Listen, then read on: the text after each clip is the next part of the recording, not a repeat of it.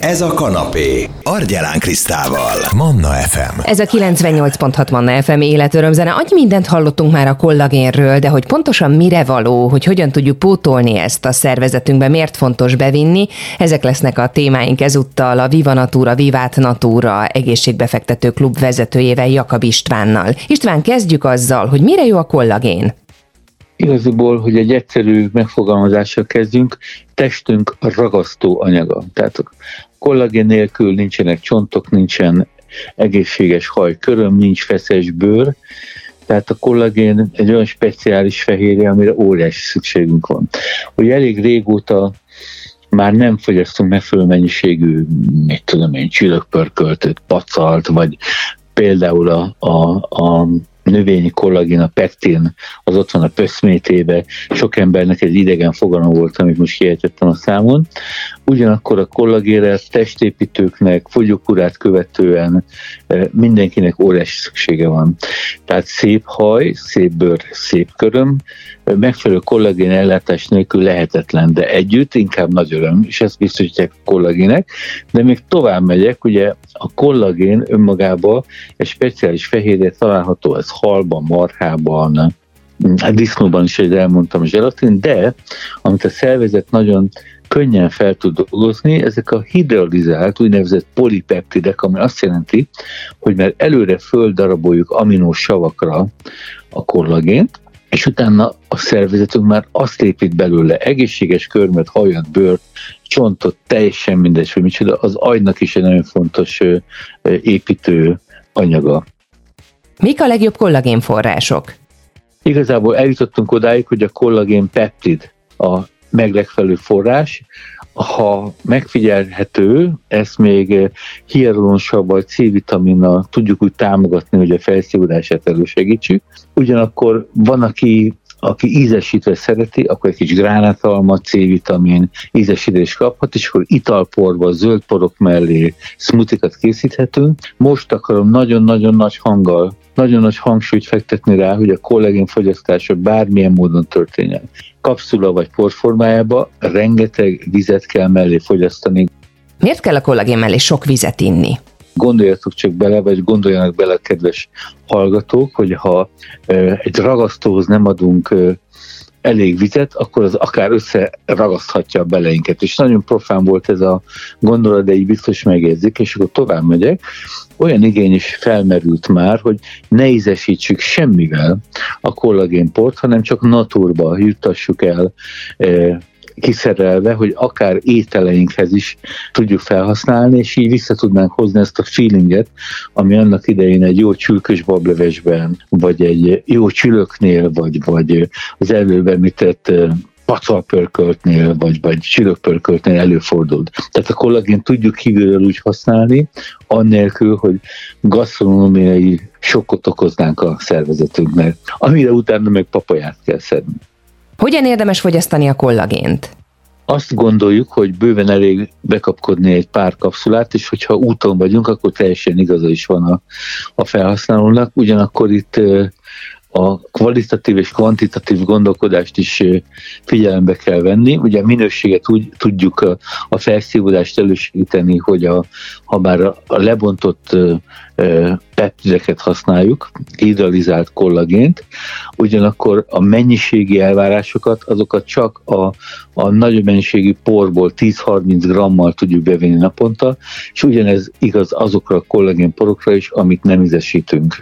Nagyon szépen köszönöm, Jakab István, a Viva Natura, Vivát Natura egészségbefektető klub vezetője volt a beszélgető partnerem itt a Manna fm és a kollagén témáját is vissza lehet hallgatni majd a Manna FM podcast felületén, iTunes-on, Spotify-on lehet keresni. Ez a 98.6 Manna FM életöröm zene, fúj a szél, hideg van kint, elindult a fűtés, érezzük a kezünkön is, hogy bizony sokkal könnyebben kipirosodik, érdes a bőrünk, akár az ajkainkat is megviselheti ez az időjárás. Schubert Éva termékmenedzserrel a téri bőrápolási ruténról beszél beszélgetünk. Honnan, milyen tünetek alapján gondolhatjuk Éva joggal azt, hogy változtatnunk kell a bőrápolási rutinunkon? Hát ilyenkor téli időszakban sokkal gyakrabban, illetve sokkal többen érezzük azt, hogy legtöbbször általában fürdés, arcmosás vagy tusolás után, hogy húzódik, egy picit feszül, bizsereg a bőrünk. Extrém esetben akár azt is tapasztaljuk, hogy amikor levetkőzünk, akkor, hogyha fekete ruha van rajtunk, főleg ez a lábszára jellemző egyébként, akkor ilyen uh, fehér, icipici bőrpikkelyek vannak rajta, de ez tényleg mondom már extrém eset. Szerintem a legáltalánosabb az, amikor húzódik a, a bőrünk. Mik legyenek ezek a változtatások? A, a testünkkel kapcsolatban mindenképpen kiemeljük azt, hogy ilyenkor érdemesebb átváltani a krémesebb, sőt olajosabb állagú tusfürdőkre, hiszen már akár tusolás, akár fürdés közben pótoljuk a bőrlipigyeit és visszazsírozzuk a bőrünket. Mindenképpen választunk valami gazdagabb állagú testápolót. Nyáron szeretjük a könnyebb tejeket, akár napozás utáni tejet használjunk testápolóként, így téli időszakban pedig a tartalmasabb, gazdagabb krémek is nagyon jól esnek és gyorsan felszívódnak a bőröm. Hát azt tapasztaljuk, hogy a kezünk ilyenkor nagyon könnyen kipirosodik, berepedezhet. Erre is tudsz valami különleges megoldást javasolni? Jaj, nagyon örülök, hogy megkérdezted. Igen, itt is fontos a, a megelőzés, úgyhogy nagyon gyerekeknél is nagyon sokszor előfordul, hogy kipirosodik, bereped a bőrük, mert hogy az óvodában vagy iskolában erőteljesebb detergensekkel, szappanokkal mosnak kezet. Nagyon fontos a megelőzés, úgyhogy már a tünetek megjelenése előtt ilyen őszi időszakban kezdjünk el kézkrémekhez nyúlni, amikor pedig tényleg gyorsabban kipirosodik, akkor én javaslom a gyógyszertárakat, szakemberek segítenek választani. Vannak úgynevezett folyékony kesztyűk, én nagyon-nagyon szeretem ezeket a termékeket. Visszazsírozzák a bőrt, ugyanakkor kézmosás ellen is védenek, akár hét kézmosást kibírunk velük, anélkül, hogy lejönne a bőrünkről, úgyhogy hosszabb távon tudjuk ezt a védelmet biztosítani a kezünk számára. Mi a helyzet az ajkainkkal? Na, az ajkak is kiemelt téma. Nyáron ö, inkább fényvédős ajakápolókat használunk, sőt, van, akinek nincs is szüksége ajakápolásra. Téli időszakban az orr, a száj körüli rész sokszor sokkal szárazabb, akár amiatt, hogy többször kell orrot fújni, vagy az extrém időjárási körülményeknek köszönhetően. Ajakápolóból is keresünk olyat, ami gazdagabb textúra, illetve vannak olyanok, amik nem stift állagúak, hanem balzsam, balzsamot tudunk felvinni az ajak bőrére a tubusból, sokkal tartalmasabbak, és sokkal tovább fogják visszazsírozni a, a szánkat, illetve az ajak bőrét. Nagyon szépen köszönöm, Schubert Éva termékmenedzser volt a beszélgető partnerem itt a Manna fm és a téli bőrápolási rutinról beszélgettünk, hogyan tehetjük simává, bársonyossá a bőrünket a téli időszakban is, és kifejezetten gondoltunk az ajkak, illetve a kézvédelmére is. A beszélgetésünk újra hallgatható podcast felületünkön, iTunes-on, Spotify-on. Ez a 98.6 Manna FM életöröm zene, én Argyelán Kriszta vagyok, és szeretettel köszöntöm a vonal túlsó végén Tudok Károlyt, a Magyar Muay Thai Szövetség elnökét, aki pontosan tíz éve elnök már. Nézzük meg, hogy az elmúlt öt évben milyen sikereket ért el sportszakmai szempontból ez a sportág. Az elmúlt öt évben a teljesség igénye nélkül tudom csak mondani, mert én azt gondolom, hogy nagyon sok munka mellé, nagyon sok eredmény párosult. Ugye a legfontosabb dolgok a sporteredményeink, amit a srácok hoztak nekünk, alulról építkezve az utánpótlás világbajnokságon, Európa-bajnokságon induló részvevők, az ottani érmek, a felnőtt világbajnokságon szereplőknek a, az érmei egészen több ezüstérmünk volt az elmúlt öt évben világbajnokságokon, majd a legvégén eljutottunk idén nyáron a a, Birminghami világjátékokra, ahol két versenyzőnk tudott indulni, és mind a ketten bronzérmet szereztek. Emellett nagyon sok sportdiplomáciai sikerünk volt külföldön, Magyarországon. Magyarország ugye a Nemzeti Versenysport Szövetségnek alapító tagjai vagyunk, ami egy olyan köztestület, ami a nem olimpiai sportákat fog, foglaljon magában. A világszövetségünkhöz való tagságunk is megerősödött, kaptunk egy felkérést világbajnokság rendezésére. Sajnos ez meghiúsult, mert a, a a jellegi Magyarország gazdasági helyzet nem tette lehetővé, hogy ezt finanszírozzák, de azt gondolom, hogy a felkérés is már egy nagyon nagy siker, hogy világbajnokságot rendezzünk jövőre. Ezt áttesszük a következő 5 éves ciklusra, vagy egy Európa, vagy egy világbajnokságot azért szeretnénk megrendezni, hogyha a helyzet konszolidálódik. Innen azt gondolom, hogy, hogy biztos alapokon vagyunk már ahhoz, hogy, ahhoz, hogy tovább tudjunk építkezni szakmailag is, pénzügyileg is a következő öt évben. Az oktatásban is óriási ugrás történt. Új jókai rendszert vettünk be, nagyon jó az edzőképzésünk, ott is már egy nagyon jó alapokon vagyunk szakmailag, és jövőre 2023. szeptembertől először a sporták történetében szakedzőképzést tudunk indítani Egerben az Eszterházi Károly Egyetemen. Mit gondol, hogy a következő olimpiákon ott lehet egyébként ez a sportág? Tavaly nyár óta teljes jogú olimpiai sportágról beszélünk. Itt az a kérdés, hogy melyik, melyik rendező ország vagy rendező város az, aki beválassza a mi sportágunkat. Ez egy nemzetközi lobbinak lesz majd az eredménye. Én, én bízom a 2028, 2028-as Los Angelesbe, de, de ezt, még, ezt még nem tudja senki megerősíteni. Ön egyébként elnökként bármilyen juttatást kap ezért, vagy csak a sport szeretete miatt csinálja? A sport szeretetért végzem, és ez egy társadalmi, társadalmi tevékenység, társadalmi munka, hogy, hogy ezt a szakszövetséget én vezetem, igen. Mindenhol azt hallani, hogy nagyon sikeres a sportág, és egyre többen űzik, nagyon sok érmet szerzett a válogatott, ezt ugye ön is elmondta.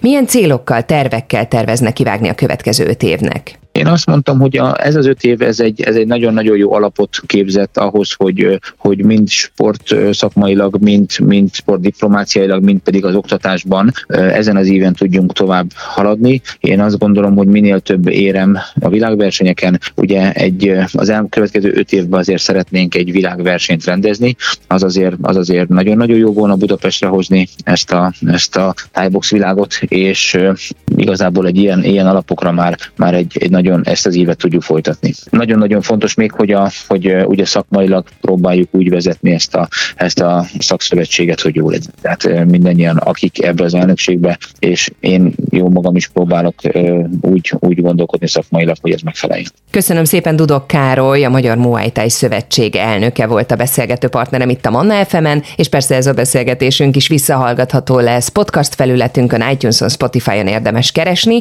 Hamarosan még egy picikét maradva a Muay Thai Szövetségnél megnézzük, hogy a következő öt évet hogyan tervezik az elnökségi tagok. Ez a Manna FM kanapéja.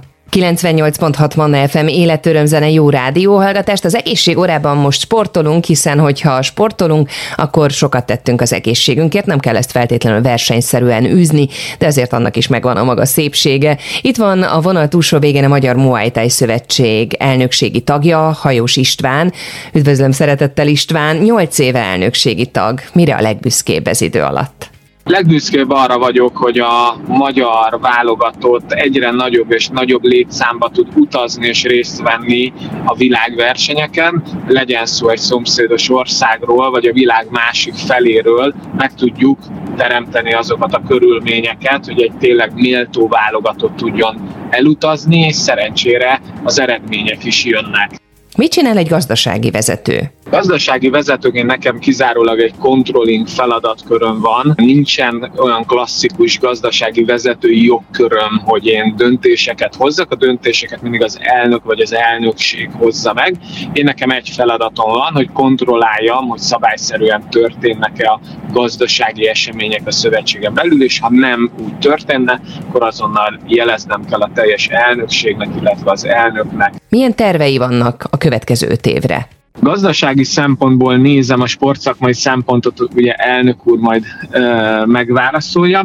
Én a támogatói kört és a gazdasági stabilitást szeretném még tovább fejleszteni. Tehát ahhoz képest, ahonnan öt évvel ezelőtt indultunk, az egy kicsit a mínusz volt, ahhoz képest azért most egy kiegyensúlyozottabb, kiszámíthatóbb gazdasági környezetet teremtettünk a szövetségnek, de szeretném egy legalább 20-30 százalékkal növelni az éves költségvetését a szövetségnek, hogy még több eredményt tudjunk elérni. És akkor a vonal túlsó végén Vojvoda Györgyöt szólítom meg, aki szintén elnökségi tag, főtitkár és nemzetközi bíró. György, hogyan értékeli az elmúlt öt év munkásságát? Hát alapvetően az elmúlt öt év munkássága ugye körülbelül három évre tud korlátozódni egy normális szakszövetségi működésben, hiszen majdnem két évünk kiesett a Covid miatt, de talán amellett, hogy az elmúlt öt évben alapvetően átformáltuk a szakszövetség működését, rengeteg klubot vettünk fel,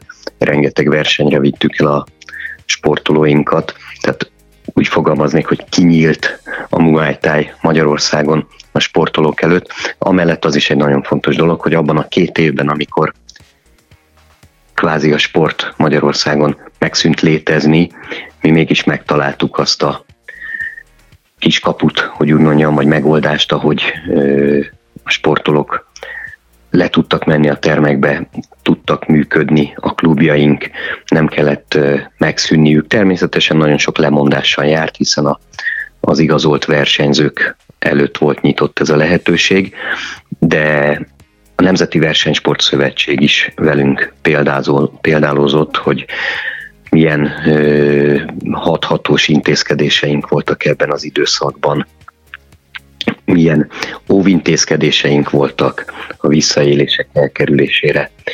Szóval volt három nagyon termékeny évünk, és volt kettő nagyon hasznos évünk. Milyen tervekkel vágna neki a következő öt évnek? Hát a legfontosabb az az, hogy mindig igazodnunk kell az állami támogatások mértékéhez, illetve a világszövetség terveihez. Ezt azért mondom, mert évek óta dédelgetett tervünk az, hogy egy világversenyt Magyarországra hozzunk, amihez mindig minden esetben állami garancia kell. A világszövetségben megvan az indítatás, hogy Magyarország kapjon egy Európa-bajnokságot vagy világbajnokságot, ehhez most már csak az állami garancia szükségeltetik. Mindenképpen olyan versenyeket, olyan kisebb megmérettetéseket szerveznék Magyarországon, amik megmutatják a magyar államnak is, hogy mire képes a Muay ez a sportág világszinten, illetve ami egy picit a világszövetséget is abba az irányba tereli, hogy továbbra is támogassa azt, hogy ez a kis ország kapjon egy ilyen nagyobb eseményt. Nagyon szépen köszönöm Vojvoda György, a Muay Thai Szövetség elnökségi tagja, főtitkár és nemzetközi bíró volt a beszélgető partnerem a Manna FM-en. Ezek a beszélgetéseink is természetesen podcast felületünkön visszahallgathatók, vagy pedig a www.mannafm.hu internetes oldalon a Hallgasd vissza menüpont alatt. Ez a 98.6 Manna FM életörömzene. Köszönöm szépen, hogy együtt rádiózunk így vasárnap délután is, és még egy kis egészség téma. A Szent Vincent Rehabilitációs Központ alapítója, ügyvezetője Détári Vilmos a beszélgető partnerem. Miért hozta létre ezt a központot? A stroke rehabilitáció a témánk ezúttal. 2015 áprilisában én kaptam egy nagyon súlyos vézéses sztrókot, és ennek hatására tudott, szembesültem vele, illetve ezután szembesültem vele a kórházi ellátásom után, hogy kórházból kijöve nincs hova forduljunk, és szükségesnek láttam a hozzám hasonló járt beteg emberek megsegítését, illetőleg valami olyan helyet találni, ahol vagy csinálni, létrehozni, ahol uh, tudnak gyógyulni. Csak a sztrókon átesett betegeken tudnak itt segíteni? Bár az elejében én arra gondoltam, hogy igen, csak neurológiai betegekkel, illetőleg sztrókosokkal fogunk foglalkozni, de nyilván a központ berendezettsége és eszközei alkalmasak a minden egyéb mozgásszervű betegségek kezelésére, akár traumatológiai kórképek, gerincsérülések, különböző egyéb betegségek kezelésére is alkalmasak vagyunk, és nyilván most már nagyon nagy számban vannak egyéb betegek is. Milyen módszerek állnak a központban a gyógyulni vágyok rendelkezésére? Hát ami nálunk igazán a legfontosabb dolog, és ezt mindig ki szoktuk emelni, ez a komplexitás. Nyilván nem csak klasszikus gyógytornáról beszélünk, hanem megtalálhatók egyéb szakemberek is, az ergoterapeutától, a pszichológuson át, a, a konduktorokig, a logopédus, a gyógypedagógus, illetőleg a neurológus és mozgásszervi szakoros, rehabilitációs szakorosok is rendelkezésre állnak. Milyen eszközpark segíti a munkájukat? Mi függesztőrácsos rendszerekkel dolgozunk legfőképpen, azon túlmenően ugye használunk, használunk sima egyszerű gyógytorna, hoz használható eszközöket, illetőleg most már elég nagy számban vannak robottechnikát eszközeink, tehát ilyen robotasszisztált rehabilitációs eszközeink is vannak. Mit jelent az ön számára a betegközpontú rehabilitációs központ kifejezés? Mivel én is sérült ember vagyok, így én nem is tudom másképp nézni, csak úgy, mint egy sérült ember, és ebből kifolyólag mindent csak betegközpontúan tudok nézni, hiszen, hiszen nálunk tényleg mi vagyunk a központban a sérültek, a betegek, és ezért minden, minden megteszünk, hogy jól, jól, jól érezzek magukat. Miért fontos egy ilyen betegség után a rehabilitáció? Nyilván nekünk sérülteknek a leg, az egyik legfontosabb dolog mentálisan is, visszatérni az egészséges életbe, és fontos, hasznos tagjai lenni a társadalomnak, mert ez a, ez a legfontosabb talán, amit, amit elvett tőlünk az a betegség, és ez nagyon-nagyon sokat tud adni lelkileg. Köszönöm szépen, és sok sikert, kitartást kívánunk a munkájukhoz. Détári Vilmos alapító ügyvezető a Szent Vincent Rehabilitációs Központtól volt a beszélgető partnerem itt a Manna fm -en. Ez a beszélgetésünk is a podcast felületünkön visszahallgatható lesz iTunes-on, Spotify-on. Manna, ez a kanapé, Argyelán Krisztával. F.